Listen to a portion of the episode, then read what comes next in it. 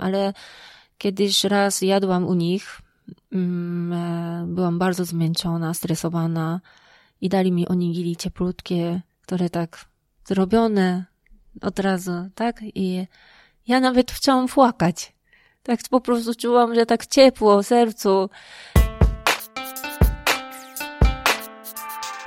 Witamy serdecznie w kolejnym odcinku naszego podcastu o Japonii, bloga Byłem tu Tony Hali. Podcast prowadzą dla Was Joanna Sokołowska oraz Konrad Żontarzewski. To nasz kolejny odcinek, który również będzie wywiadem. Mamy dla Was specjalnego gościa. Naszym gościem dzisiaj jest Cie Piskorska, wykładowca na Polsko-Japońskiej Akademii Technik Komputerowych, gdzie e, uczy o historii estetyki, o designie, o praktycznym zastosowaniu sztuki japońskiej, ale ta jej działalność i ta promocja tej japońskiej sztuki wykracza poza tą działalność akademicką. I od paru lat jest współorganizatorką takiej bardzo specyficznej imprezy, jesiennego festiwalu sztuk japońskich Bunkasai. My jesteśmy właśnie po głównych wydarzeniach, które miały miejsce w weekend. Dokładnie, więc rozmawiamy bezpośrednio i na gorąco będziemy komentować tą imprezę. Cije, w ogóle witamy Cię serdecznie, bo nie odzywasz się do nas. Witam, konnichiwa. Konnichiwa. E, Jesteśmy bezpośrednio praktycznie po e, tych głównych wydarzeniach festiwalu, które miały miejsce na e, Saskiej Kępie w promie. Oprócz tego też właśnie zakończyła się e, jedna z wystaw, które towarzyszą e, festiwalowi i gdybyś mogła Ci troszeczkę opowiedzieć, o co chodzi z tym bunkasajem, co, co to są te japońskie sztuki, um, jak zaczęła się w ogóle Twoja przygoda z tym festiwalem Mhm. Od początku. Od początku. Tak? E, czyli tak, bo to 4 lat temu e, Kyoko Arahata, e, która jest prezydentem e, fundacji Chibiwaru, e, ona już robiła taki właśnie festiwal Bunkasai, tylko dużo mniejsze właśnie, że mm, rozmiarze. I e, to było dla dzieci japońskich, które mieszkają tutaj. Bo, Bo- to Chibiwaru e, organizuje różne wydarzenia albo mm, e, zajęcia języka japońskiego i głównie zajmują się e, dziećmi japońskimi, którzy mieszkają tutaj. Bo może wytłumaczmy w ogóle, co oznacza to słowo bunkasai. Tak, tak, tak, tak. Zaraz już wszystko do, do tego dojdziemy. No i ona to robiła jesień. E, W ogóle bunkasai. Każdy Japończyk wie, co to jest bunkasai. To jest jesienne właśnie jakby matsuri, festiwal. I e, w Japonii tradycyjne robią bunkasai w szkołach. E, Czyli w szkołach, no nie podstawowe, a gimnazjum, liceum. I sami uczniowie organizują ci jeden, czy kilka dni taki właśnie festiwal, gdzie tam będą koncerty, wykłady, wystawy i tak dalej. I całe szkoły. No i potem, e, no nauczycielowie trochę pomagają, ale głównie dzieci to robią. I potem e, zapraszają rodziny, sąsiadów i tak dalej, nie? I to jest bunka sai. I bunka oznacza kultura, sai oznacza matsuri, czyli festiwal. To już wszystko jasne. Mhm. No i więc po prostu jak e, Kyoko robiła dla dzieci i to było jakby, to było różne, e, coś tam warsztaty dla dzieci i tak dalej. I wszyscy e, to prowadzili wszyscy, którzy- tutaj mieszkali w Wa- Warszawie. No i mówiłam Kyoko, to jest szkoda, że tylko po prostu zapraszasz te dzieci, a to trzeba po prostu otwarte zrobić i ja ci to pomogę. I to tak się zaczęło. Nie? I kiedy to było? To było to 4 lat temu właśnie. Mhm. No. Czyli w tym roku mieliśmy czwartą Czwarta edycję. edycja, tak, Mhm. tak, tak, tak, tak. No to tak. faktycznie byliśmy na, na tej czwartej edycji Mhm. e, w Centrum Kultury Prom e, na Pradze, zaraz e, na, na brzegu Wisły. No i myślę, że to już jest taka jedna z ostatnich edycji, które się tam w promie mogą w ogóle zmieścić, prawda? Bo tyle aż osób przychodzi, że tam Mhm. w ciągu dnia było już bardzo tłoczno, więc nie można powiedzieć, że impreza nie jest popularna. Wręcz przeciwnie, jest bardzo popularna. No właśnie, ja chciałem zacząć, e, Aśka mnie uprzedziła swoim pytaniem, ja chciałem zacząć od takiego mocnego pytania pod tytułem, czy e, po, po co nam w ogóle kolejny festiwal japoński, prawda? Bo jeżeli chodzi o Warszawę, to Mamy przecież Matsuri, piknik z kulturą, który co roku odbywa się wiosną. Zresztą ostatnio w takim bardziej piknikowym anturażu, fajnie w parku. E, mamy takie imprezy jak chociażby Animatsuri, mamy imprezy kulinarne organizowane przez e, Muzeum Centrum, Azji i tak, Pacyfiku. Muze- Mhm. Muzeum Azji i Pacyfiku. No, mamy kilka innych e, imprez małych, jak, przez jakieś tam osoby organizowanych zupełnie prywatnie. Co jest takim wyróżnikiem Bunkasai w tej chwili? No to ja muszę powiedzieć, że e, gdzie ja jestem najpierw. Mhm. Ja jestem między Polską a Japonią. Mieszkam tutaj już 22 lata. E, 30 lat mieszkam już za granicą, czyli e, mniej mieszkam w Japonii. Nie powiem, ile mam lat. E, no i e, kiedy mieszkałam w Japonii, zawsze myślałam, że nie jestem Japonką. Ja w ogóle stamtąd uciekłam. E, Ale e, jak tak długo mieszkam e, za granicą, to wtedy inaczej właśnie zaczęłam myśleć o swojej ojczyznę. E, Więcej mogłam zobaczyć, prawda? No i pewne rzeczy są naprawdę jakby no pokazują uniwersalną wartość. Ta estetyka Japonii czy kultura Japonii. I czułam, że to jest bardzo ważne. Poza tym czułam, że jednak jestem Japonką. Mimo, że w Japonii wszyscy myśleli, że nie jestem Japonką i sama też myślałam, że nie jestem Japonką. E, No i e, więc ja to czułem zawsze tak pomiędzy kulturami. To, co tutaj jest, e, te, te festiwalu, bardzo fajne, wszystko mi się podoba. Natomiast mm, czułam, że coś innego muszę robić. To może jest związane z kulturą Japonii, ale inaczej. Nie tylko po prostu pokazać, przedstawić tą kulturę Japonii, ale przedstawiając te piękno sztuki Japonii, estetykę, ale jakby pobudzać między sobą, z Polakami, dlatego że tutaj naprawdę spotkałam się bardzo dużo e, fajnych osób, artystów, projektantów i ich chciałam e, promować. I e, więc e, e, wybierałam takich ludzi, którzy coś fajnego robią, ale im, na wadzie inspiracji estetyki Japonii, nie? I wtedy coś nowego się zaczyna. E, I tak ja myślę, że mm, to podobne trochę sytuacja, jak, e, tak jak e, mm, pod koniec XIX wieku, kiedy było japonizm w Europie. I na pewno najpierw było naśladowanie tylko powierzchownia, na przykład e, Van Gogh e, rysował jakby ukiyo-e, może widzieliście. Widzieliśmy, piękne. E, no, piękne, ale takie właśnie tylko kopie, tak? Mhm. Ale potem tak ugłębił tą inspirację e, światopogląd japoński i, i ten właśnie, że urodziła się piękna sztuka. Tak samo impresjonizm, secesja, wszystko, prawda? I, I dzisiaj właśnie też chciałam coś takiego mm, jakby prowadzić. E, Widzę ludzi, którzy ciekawe rzeczy robią i, i to tak właśnie chciałam jakby wspierać. No właśnie, ja zauważyłem, że na stronie Bunkasai, na, na głównej stronie jest też taki cytat mm, piękny.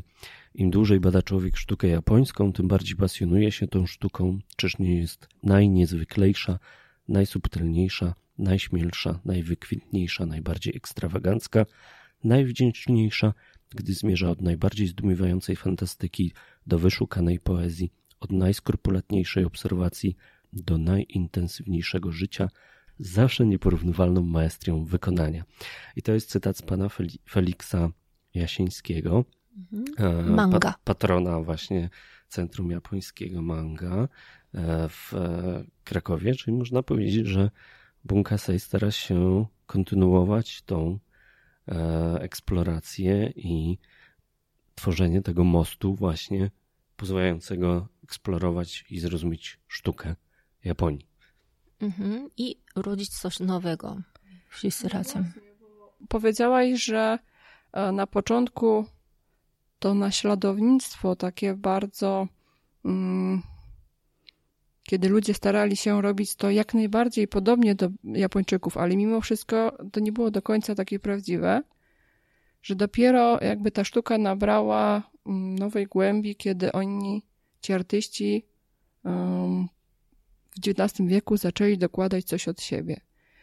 I e, my jesteśmy świadkami tego, że bardzo dużo kultur fascynuje się Japonią, która nie lubię tego słowa, ale mimo wszystko była dla nich taka egzotyczna, zaskakująca.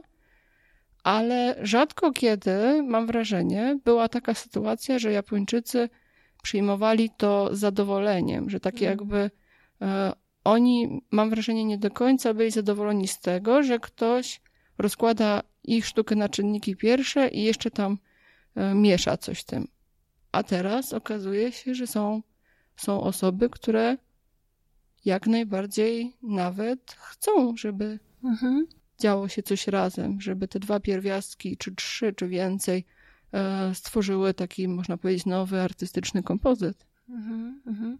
No właśnie mm, w Polsce naprawdę dużo jest zwanych fanów Japonii bardzo ciekawe właśnie fanów jednego kraju albo kultury jednego kraju, tak? Bo to te słowa japonizm też nie jest tak, że to izm można do każdego kraju dodać, nie? Więc Japonia jest jakby zjawisko.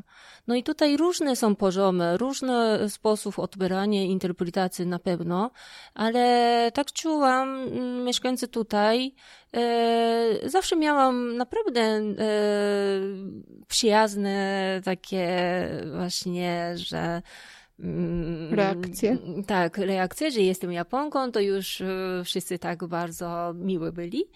E, no i rzeczywiście w Japonii też mówią, że Polska jest jeden z e, największych krajów pro, takie projapońskich. Nie? Tajwan... Widzą to? Rozumie, rozumieją to Japończycy?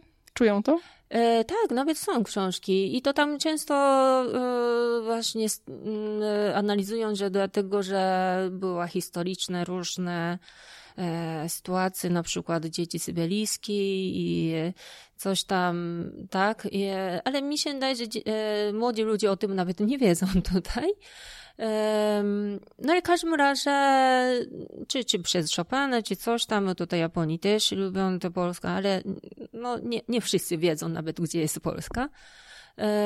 No i wracające tutaj, mm, naprawdę dużo ludzi lubią Japonię, ale tak czułam, że oni nie wszystko rozumieją, w sensie, jakoś taki, taki wyobraźny, nie? Mają na przykład ceremonii herbaty, tak? O, fajne, fajne i to koniec, tak?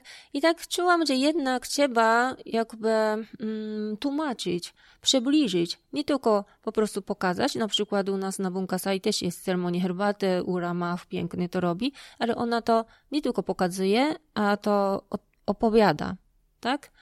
E, no i tak trzeba jakby przybliżyć, i, i wtedy jest e, na pewno więcej rozumienie i tak samo, że um, przez relacje z ludźmi, bo to tam można tak swobodnie rozmawiać i spotkać się i wtedy coś tam się otworzy, ten horyzont, tak, u ludzi. A czy to nie jest tak, że Bunkasa jest takim przyczółkiem do budowania jakiegoś centrum kultury japońskiej w Warszawie? Mm, nie wiem. Bo to, to, to, o czym opowiadasz, to wszystko brzmi jak takie warsztaty, rzeczy, które można robić przez cały rok, prawda? Tak, tak. No natomiast e, jak widzieliście, nie wszyscy te Japończycy prowadzili te, te warsztaty. I naprawdę to niesamowite, te łagasi, te słodycze japońskie albo te kaligrafie, e, to są Polacy, tak? I e, oni to odziedziczyli ten duch i jeszcze tak precyzyjne, to tak techniczne też wykonują. I, i to jest e, niesamowite. Także e, szukamy takich prawdziwych ludzi i nawet Japończycy się inspirują przez nich, nie? Wydaje mi się, że, że to, co mówisz, jest fantastyczne i bardzo wartościowe dla Polaków, którzy rzeczywiście mają dużo sympatii dla Japonii i my jak najbardziej też się do takich osób zaliczamy, ale zauważyłam, że my mm, oczywiście pod kątem podróżniczym bardzo to wszystko oceniamy. I zauważyłam, że dużo ludzi jeździ do Japonii, nawet jeżeli już tą podróż wymarzoną realizuje, to czasami brakuje im tego kontekstu i zrozumienia tego, co widzą na miejscu. Więc takie imprezy jak czy Bunkasai, czy właśnie mówisz te wszystkie towarzyszące um, wydarzenia, które mają troszeczkę objaśnić, troszeczkę wprowadzić tych Polaków w tą kulturę, wydaje mi się, że takim osobom bardzo, um, bardzo to pomaga zrozumieć to, co widzą już na miejscu w Japonii, bo teraz mhm. coraz więcej jednak tych osób się tam wybiera. Tak, tak, tak, bo, bo japońska kultura ma różne aspekty, tak jak widzicie, bo często tutaj kojarzy się jakby e, nurt minimalistyczny, ascetyczny z kultury samurajów i kultury zen, ale to nie jest wszystko, prawda? A wcześniej była kultura arystokratów i to jest taki miyabi, właśnie estetyka, bardziej tak kobiece i to tak kolorowe. A potem po tej kulturze samurajów nastąpiła ta era Edo i, i to kwietła taka kultura, masa kultura mieściańska. I to też oni też mieli swoją estetykę e, i też e, rolnicy też mieli swoją estetykę, takie praktyczne piękno i więc to bardzo dużo takich właśnie aspektach i, e, i w tym sensie jest bardzo bogata kultura, tak rozumiem. E, więc e, gdzie to spotkają się, to naprawdę, mm, no to tak, każda dziedzina jest ciekawa, tak?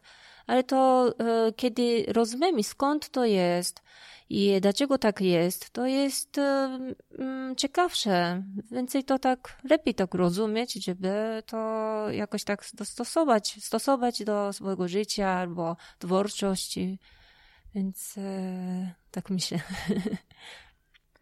Jeżeli chodzi o te różne takie kontakty Polaków z Japończykami, to czy wydaje ci się, że, że jednak ten poziom świadomości japońskiej kultury rośnie wśród ludzi? Czy więcej mm. ludzi zna terminy? Kuchnia się bardzo popularna w, w Polsce teraz robiła japońska. Mhm. Mm, no na pewno, e, jak porównam e, wtedy, kiedy ja przyjechałam, to w ogóle jak zrobiłam sushi na Wigilii, nikt nie chciał jeść, a dzisiaj mm, w naszej rodzinie wszyscy chcą tylko sushi jeść. Także zupełnie inaczej. Ale ta, e, ta kulinarna kulturze, to też w tym roku pierwszy raz zrobiliśmy takie onigiri summit, nie? Też uczestniczyć. Tak, byliśmy. Oceni ocenialiśmy, braliśmy mm -hmm. udział.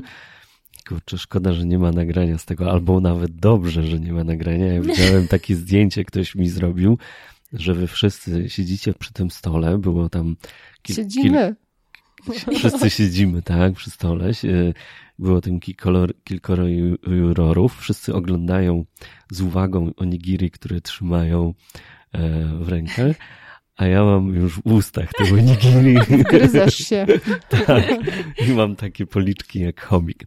E, także było to, było to całkiem zabawne, ale może faktycznie lepiej, że, że nie zostało to nagrane, choć z drugiej strony ja trochę żałuję, że te niektóre z takich właśnie prelekcji, które, które tam się pojawiły, e, nie były rejestrowane, bo, bo naprawdę są to rzeczy warte polecenia i są to rzeczy które no, dużo wnoszą do kultury i myślę, że mm, takich prelekcji byśmy sobie życzyli jak najwięcej. Ok, ale wracając do tego szalonego pomysłu na, na promocję e, onigiri i promocję kuchni japońskiej. Rozumiem, że pomysł na onigiri summit to był właśnie taki trochę szalony, e, zabawny pomysł, żeby restauratorzy, którzy przecież wykwintne dania kuchni japońskiej tworzą i być może każda restauracja tworzy trochę inny styl. Jedni są specjalistami od ramenu, inni od sushi, inni, inni od karaga,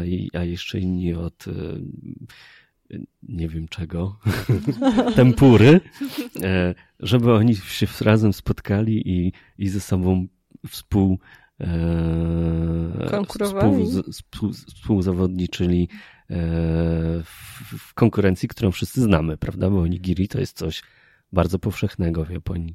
No tak, ale tutaj jeszcze nie wszyscy wiedzą i ta, ten pomysł w ogóle bardzo spontanicznym sposób e, urodził się. E, raz narzekałam do Kyoko, że jadłam strasznie niedobry onigiri tutaj. Przepraszam, nie, nie mówię skąd, ale no i to tak właśnie, no na przykład te sushi też, prawda, w supermarkecie jakieś te takie słodzone i w ogóle po prostu nieugotowane, e, no okropne są. Bywają, Nawet niezdrowie. Tak? Bywają tak? takie niestety. No i to tam raz w telewizji, programy tam występowałam, to coś tam musiałam jeść jako tester czy coś tam.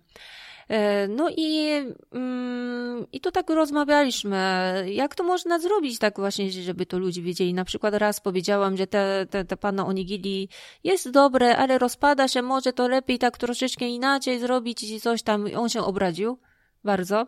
Nie chce słuchać, nie? Jakoś nie. No i to tak właśnie Kioko powiedziała, może taki konkurs robić, ale przy konkursem nie mówić tak negatywne, to przecież te lisz nieugotowane ci coś tam, a coś tam właśnie, że pozytywne rzeczy tylko mówić i zachęcać, inspirować, bo to tak jak dzieci, prawda? Dzieci też, e, jeżeli my tak mówimy, że nie wolno, nie wolno, to, to, to nie poprawia się. A jak e, chwalimy ich, to wtedy prawda? Rozwija Inspirujemy się, no właśnie, do jeszcze, właśnie. jeszcze lepszej. No, no. no i odzew był całkiem duży, bo tak, mieliśmy e, Sato Gotuje, zresztą zwycięzcę, to zaraz jeszcze wrócimy. E, mieliśmy Mugi, potem e, Nipponkan, jedna z najstarszych restauracji japońskich w Warszawie. E, co tam dalej? Pani onigiri. I buri. Mhm. Buri sushi i pani onigiri. Tak, mhm. pani onigiri, mhm. czyli taki polski koncept pols e, pol polsko-japoński i e, Buri, czyli e, dosyć taka jeszcze nieznana i niedoceniana e, restauracja, bo troszeczkę na końcu świata, jeżeli chodzi o Warszawę, w dzielnicy takiej sypielniano-mieszkaniowej na Targówku, ale dobrze zapowiadająca się, bo też czytałem bardzo dobre opinie ludzi, którzy mm, te restauracje recenzują. Mhm. Także całkiem spory odzew jeśli chodzi o, o konkurs. No właśnie, i zwycięzca Sato Gotuje e, to było onigiri bardzo klasyczne z umeboshi. I z yukari, posypką tak, yukari. I z, i z posypką mhm. yukari. Rewelacja. Um, no właśnie. Uważacie, że zasłużenie? Uważacie, że bardzo to onigiri było wyjątkowe? Na pewno te na konkursie to nie było ciepłe onigiri, prawda? Mhm. Takie już było zimne i małe, więc trochę tak proporcjonalne. Na przykład u Mebosi za dużo było porównanie z ilości liżu czy coś tam, ale kiedyś raz jadłam u nich, mm, e, byłam bardzo zmęczona, stresowana i dali mi onigiri cieplutkie, które tak zrobione od razu, tak? I ja nawet chciałam płakać. Tak po prostu czułam, że tak ciepło w sercu.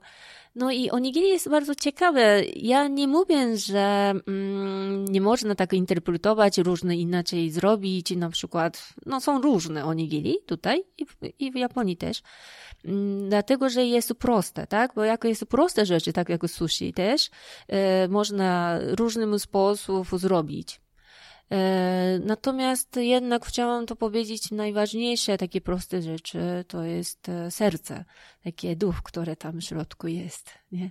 Ja nie chciałem chwalić, bo ten Sato jest bardzo blisko nas i, i, miejsca, gdzie my mieszkamy, także mamy, można powiedzieć, troszeczkę po sąsiedzku tę restaurację, ale też jesteśmy jej fanami, uważamy to za bardzo dobre, takie mhm. domowe japońskie jedzenie, więc jeżeli ktoś będzie chciał w Warszawie rekomendacji czegoś innego niż sushi, bo tam sushi zdaje się w ogóle nie, się nie serwuje. Czasami I, się pojawia, ale to nie jest ramen, główna ścieżka. I ramen też się pojawia okazjonalnie. E, o tyle takie właśnie domowe, mm, obiadowe e, dania, jak udon, jak e, karaage. Makrela w miso. To soba, jest coś prawda? fantastycznego. Można tam zjeść i są one szalenie smaczne. No i tak można obserwować, jak oni gotują. Często tak trojka, tak chłopaki i oni po prostu nic nie gadają i koncentrowane. I mi się bardzo to podoba, ta podstawa. Także polecamy. Bardzo polecamy i wcale nie tylko dlatego, że, że to jest ochota, ale mhm. naprawdę można nabrać ochoty na japońską kuchnię po mhm. wizycie Usato. Okej, okay, to wróćmy może do Bunkasai, bo mm, tak jak wspomniałem na początku, jesteśmy na gorąco po właściwie zakończeniu tego dnia w zeszłą niedzielę, mhm, gdzie był ten główny program festiwalu, ale Bunkasai już wyrósł na tak dużą imprezę, że ma również różne e, wydarzenia towarzyszące. Także jeszcze e, z tego co ja wiem, można, jeśli ten podcast szybko wypuścimy i zmontujemy, trzymamy kciuki, e, można będzie się w najbliższych dniach na jakieś wydarzenia załapać. I to jest moje pierwsze pytanie, jakie, co, co nas jeszcze czeka w tym roku. A mhm. drugie moje pytanie to, czy już wiemy, czy już znamy datę przyszłorocznej imprezy. Czyli tak, my, e, bo często tak ludzie myślą, że bo do tego czasu, do zeszłego roku robiliśmy jakby tylko festiwal e, i w promie była wystawa razem, ale w tym roku e, oddzieliliśmy tą wystawę, dlatego że mm, bardzo dużo osób chcą do warsztaty przychodzić i powiększyliśmy miejsca warsztatów i, i mieliśmy wystawę w róż, innych miejscach. I ta druga, pierwsza część, przepraszam, pierwsza część wystawy Nowy Japonizm już skończyła wczoraj na Nowym Świecie Muzyki i teraz już od wczorajszego dnia e, możemy zobaczyć drugą część tej wystawy Centrum Kreatywność Targowa. Miejsce, w którym teraz jesteśmy. Jesteśmy, tak. I, I to tutaj tak wszystko razem, wszyscy razem 13, nie, nie, przepraszam, ile osób to było? Kilkanaście, kilkanaście osób, tak, osób, tak, kilkanaście mhm. osób, artystów. E, I są e, Polacy, i Japończycy, i pół Polacy, pół Japończycy. Czyli, czyli hafu. Hafu, tak. E, no i w tym roku pierwszy raz jakby zaprosiliśmy mm, ludzi, artystów, których nie z nami, bo do tego czasu e, jakby znanych, e, e, znajomych zaprosiliśmy, więc bardzo dużo artystów chcieli uczestniczyć. Mm, I nie tylko, projektantów też. Więc od mojej uczelni studenci z architektury wnętrz tutaj mają mm, piękne dyplomowe prace wybrane, inspirowane Japonii. I jeszcze e, na tym weekendzie, 25, 6, 7 mamy video mapping. E, też wykonany przez studentów e, Pejotatyka z Wydziału Sztuki Nowych Mediów. No to jest coś, na co na pewno ja się wybiorę, bo ta dziedzina sztuki mnie zawsze zachwyca. Byliśmy już kilka, na kilku takich imprezach, gdzie projekt, za pomocą projektorów właśnie gdzieś na turze ściany czy na różne bryły przestrzenne się rzuca obraz wideo wraz z muzyką i to naprawdę robi gigantyczne wrażenie. Mhm. No właśnie, a osoby, które e, jednak posz będą poszukiwały takich bardziej tradycyjnych sztuk, też coś znajdą, bo o, jest i sumie, kilka prac oglądaliśmy. Mhm i też drzeworyt chyba. Tak, tak. I to bardzo ciekawe właśnie, to chciałam powiedzieć, bo to na Nowym Świecie mieliśmy tak e, sześć artystów, a tutaj więcej, chyba 13. I jak tutaj montowałam jako kuratorka, e, zauważyłam, że są bardzo awangardowe, nowoczesne i tradycyjne ten sumie, tak? I tak e, ustylowałam jakby od tradycyjnych do nowoczesnych. Ale ta, to jest też e, ciekawe zagadnienie tradycja i nowoczesność. E, zawsze z studentami rozmawiamy, co to jest właśnie, co to znaczy nowoczesne. Bo często tak tutaj mówią, jak ja projektuję wnętrze, to proszę to robić tak w stylu nowoczesnym. Mm -hmm. Nie? Contemporary. Tak, i to tradycyjne, nowoczesne. Mi się daje, że e, w Polsce inaczej to odbierają niż w Japonii. E, w Polsce niestety przez historię ta tradycja i nowoczesność się oddzieliło. Nie ma tej tradycji dużo w nowoczesności. Natomiast w Japonii czujecie dużo tej tradycji w nowoczesności, prawda? Mhm, czyli w nowym wydaniu to, co mhm. znamy, ale z pewnym takim świeżym powiewem. Tak, tak, bo to było właśnie, że jakby nie było przerwane, bo to tutaj było przerwane niestety.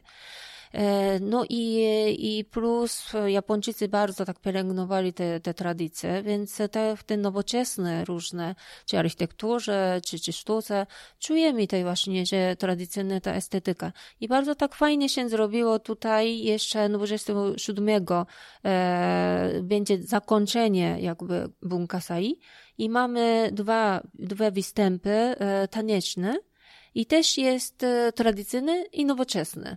Tradycyjny teatr no, e, wykonany przez e, Jakub Karpruk i jeszcze balet współczesny e, będą tańczyć Takako i Hideko Matsuda. Czyli 27 października, prawda? Mhm. Jeżeli by ktoś słuchał po tym terminie, no to już zapraszamy na przyszły rok. No i śledźcie stronę www.bunkasai.pl. A w przyszłym roku? Zobaczymy. jeszcze, jeszcze nie wiadomo. E, w każdym razie e, tutaj też podpytywaliśmy, Bunkasai w dużej mierze też się opiera na pracy ludzi, którzy e, na, na tej imprezie jako wolontariusze po prostu pomagają ją organizować, pomagają w różnych aspektach czy to organizacyjnych, czy to promocyjnych, promocji no, w świecie rzeczywistym, czy w świecie wirtualnym, jako wykładowcy, bo również Polacy wykładają, prawda, mają swoje prezentacje, także pewnie również zachęcamy do tego, żeby na tą stronę bunkasej.pl wchodzić i kontaktować się, jeżeli w przyszłym roku chcielibyście współuczestniczyć w organizacji tego festiwalu. Dziękuję bardzo. Każde, każde ręce do pomocy się przydadzą, prawda? Mhm. My mieliśmy bardzo malutki wkład w tą imprezę w tym roku, ale też myślę, że jeżeli będzie taka chęć, to też deklarujemy pomoc. Duży wkład już jedliśmy onigiri. tak, onigiri mhm. bardzo z przyjemnością spałaszowaliśmy. Mhm. W każdym razie zapraszamy ludzi, którzy szukają autentyczność i e, prawdziwość sztuki i kultury i żeby coś nowego stworzyć razem z nami. Jeżeli też znacie artystów, którzy być może są dalej od nas i jeszcze na nich nie trafiliśmy, czy ci nie trafiła, którzy się pasjonują japońską sztuką i może ją um, tworzą, przetwarzają na swój sposób, może jakby odzwierciedlają swoją duszę w tej japońsko, japońskości, to też dawajcie znać, bo wszelcy nowi artyści też będą na pewno mile powitani. Mhm. A widzieliście te, mm, te kącik w Kumiko i Kirikane i Yosegizaiku? Tam na górze? Mm, Nie zauważyliście? Te wycinanki w drewnie to były? No nie wycinanki, to są takie właśnie, że kabałki. Tak, tam, tak, to, tak, to tak, tak. To, mhm. to są właśnie, że techniki, technika kumiko się nazywa. Ja się przyglądałam przez chwilę tak z boczku, ale trochę nie miałam tam... Mhm. E... No to jest właśnie nie fajna historia. Właśnie szkoda, się. Tak, szkoda, że, bo to ja też nie słuchałam, ale to był e, ten wykład e, przez Andrzeja Burkot. Właśnie my też, też żeśmy go przegapiliśmy. Mm, e, on był w Japonii dwa lat temu przez mnie. E, pracowałam dla telewizji Japonii i e, to było Fuji Telebi. No i e, potrzebował Polaka, który jest dzierżwiarzem sakuralnym. I no i tak dzwoni, właśnie to było wakacje, nie znam nikogo z dzierżwia sakuralnego. No i po prostu na, szukałam na internecie, no i pamiętam, że w samochodzie po prostu za jednego, za drugim po prostu dzwoniłam. Pytam, e, czy pan może pojechać za tydzień do Japonii? Bo to takie właśnie pilne tak. to było mhm, tak, polecenie. Tak, tak. No już wszyscy mówią, że no, co chyba żartuje pani i koniec, nie? A ten Andrzej Burkot, e, on wierzył. Bardzo chętnie. tak, ale, ale już miał cały plan, tak? Mhm. Wszystko zmienił i pojechał. Czyli złapał przygodę Tak. To ja rozumiem, to ja rozumiem w końcu skąd się wzięła ta wielka figurka Maryi, Tak, tak, tam, tak. która tak. była na u niego na No stoisku. właśnie, może nie rozumieliście o co chodzi. Mhm. No i to było tak, e, to się nazywało sugoi desu ne, e, czy coś takiego, że tam każdym programie pokazują różne sztuki, czy, czy technikę japońską i zapraszają te ekspertów z zagranicy. No i oni tak mówią, o, sugoi desu ne, Japonia. Skoi desne. No i, e, i tam pokazywali właśnie te, te rzeźby sakralne, czyli buddyjskie. E, no i między innymi pokazywali technikę kirikane, które dużo Japończyków nie znają. To jest stara taka technika od VI wieku. Jakby takie wygląda inkrustacja albo malowanie e, e, na drewno, ale nie wiem, czy to tam byliście, czy nie. Takie nitki się robią, te, te metalu i to to przyklejają, nie? I to się nazywa kirikane. I on to widział. W Japonii jest taki skarb narodowy. Wiecie, bo to człowiek. Nie? Człowiek skarby narodowe. No i, e, i ta skarby narodowy pokazywał, jak to się robi kilikane. On po prostu był tak inspirowany, sam się nauczył, wszystko kupił w Japonii i sam e, i dzień, i nocy to robił, robił, robił. No i to stosował właśnie do swojej pracy. Tutaj Kościół katolicki oczywiście mówił, że to jest technika pogańska, buddyjska, od innej religii, po co? Ale w końcu on jest naprawdę bardzo energetyczną osobą, że on y, zdobył taką nagrodę. To fajnie, że docenili No tak, tą tak, tak. Może się nawet-. Może się nawet gdzieś jakiś kościółek na końcu świata w Bieszczadach znalazł, gdzie No, ale to może jest bardzo- te prace. Tak, ale to jest bardzo piękna opowieść, prawda? Bo to Mhm. te, te dwie religie się spotkają i to, prawda? Ale jego pasja się nie skończyła.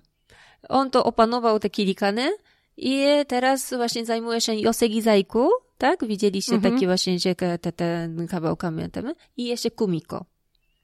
No i widzieliście taki duży paraban Kumiko, które tam, nie wiem, jak Ile godzin zrobili. poświęcił Tak. to. drewniany, ale bardzo koronkowy. Dzisiaj coś takiego się drukuje na drukarkach 3D, prawda? I jest z głowy, Mhm. bo wystarczy zaprojektować w komputerze, a złożyć z tysiąca elementów z drewna, jeszcze chyba oni bez użycia kleju chyba to robią, prawda? Bez, bez, Tylko bez. No to można umocnienie używać, ale Mhm. tak. I to też w Japonii e, też są ludzie, którzy tym się zajmują, ale mm, w ogóle ta technika była stosowana do mm, architektury, czyli elementy architektury, jakby na szodzie, przysłane drzwi, Mhm, albo mhm. rama, gdzieś tam taki właśnie element. Mhm. I to jest bardzo droga technika, więc e, coraz mniej korzystają, używają i Japonii też coraz mniej ludzi to używa, e, robią, nie?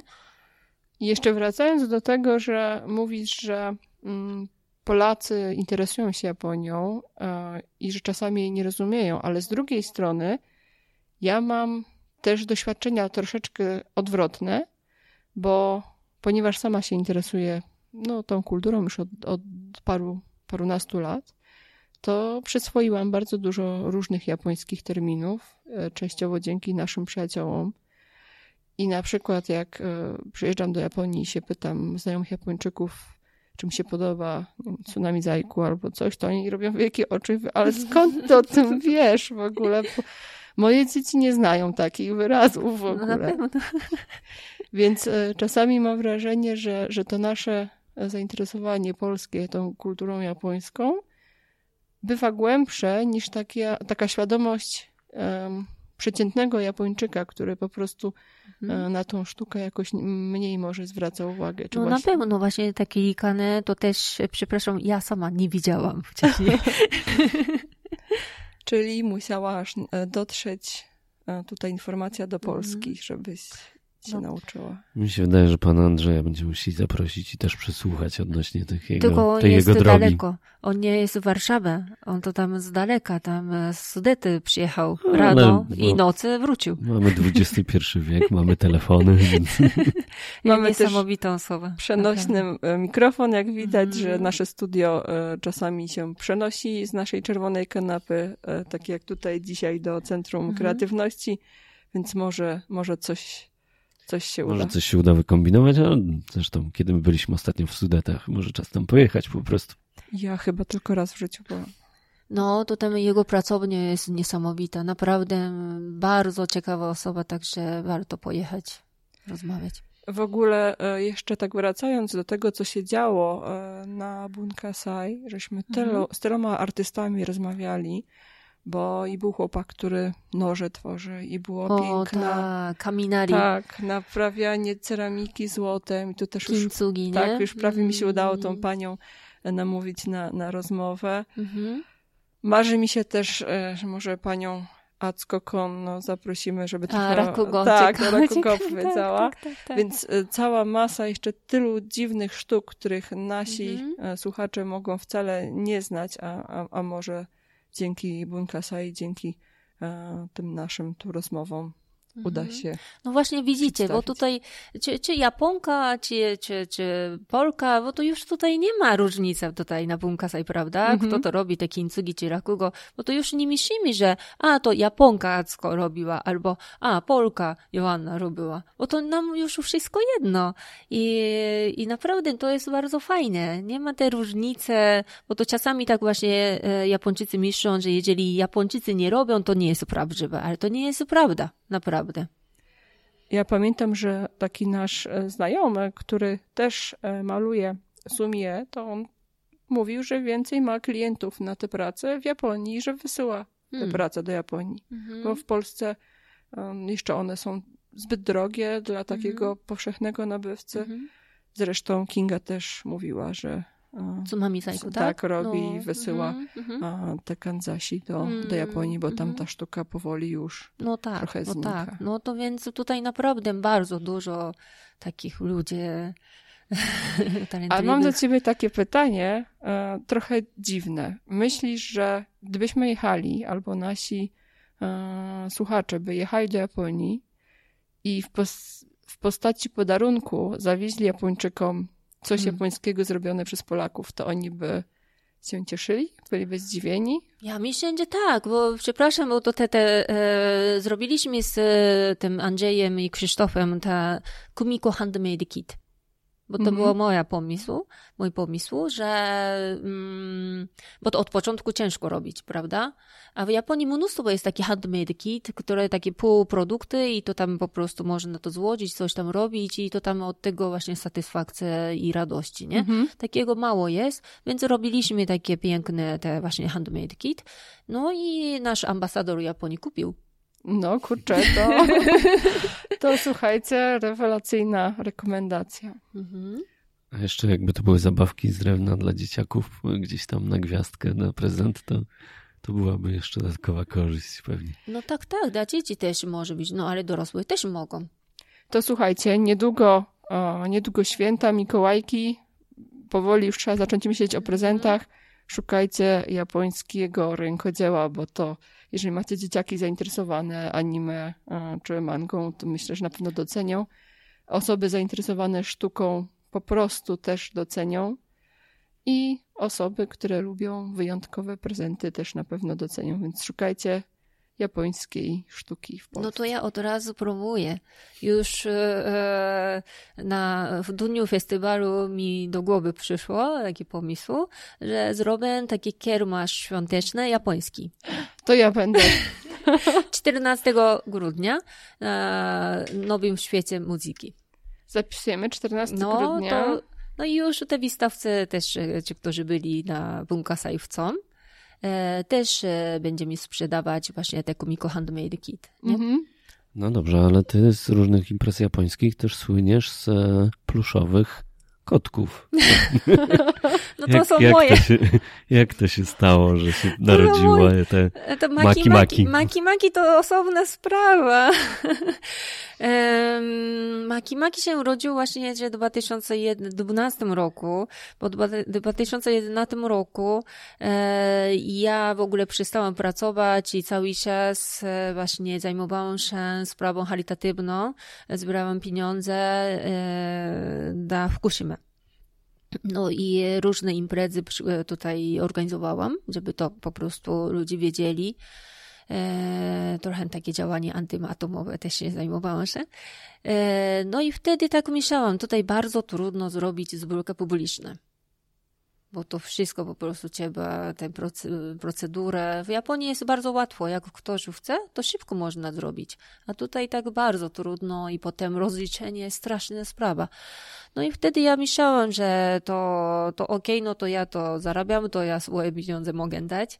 E, tak samo, że mm, to pewna idea, tutaj mi się daje, że to, co się działo w Kushima, to coś pokazuje bardzo ważnego dla mm, tej naszej cywilizacji. Może to było mm, przerost egoizmu człowieka e, w stosunku natury no to już, ale to jest już takie właśnie, że osobna sprawa. No i, i tak właśnie zaczęłam tutaj e, ten biznes otworzyć i to jest, to było Maki Maki. E, to było dla zdrowia i piękna, bo to takie pasy właśnie zaczęłam, nie? E, produkować, bo, bo ja sama byłam chora i musiałam jakoś coś tam zrobić i, e, i to jest stara japońska metoda, ogrzebanie centrum ciała, nie? No Czyli i... takie owijacze, ocieplacze tak. mhm. na brzuch, na, na mhm. ręce. Mhm. mhm. Haramaki się nazywa, mhm. czyli hara, harakiri, maki, makizushi, już wiadomo. Czyli owijamy. Tak, tak, tak, tak, tak, tak.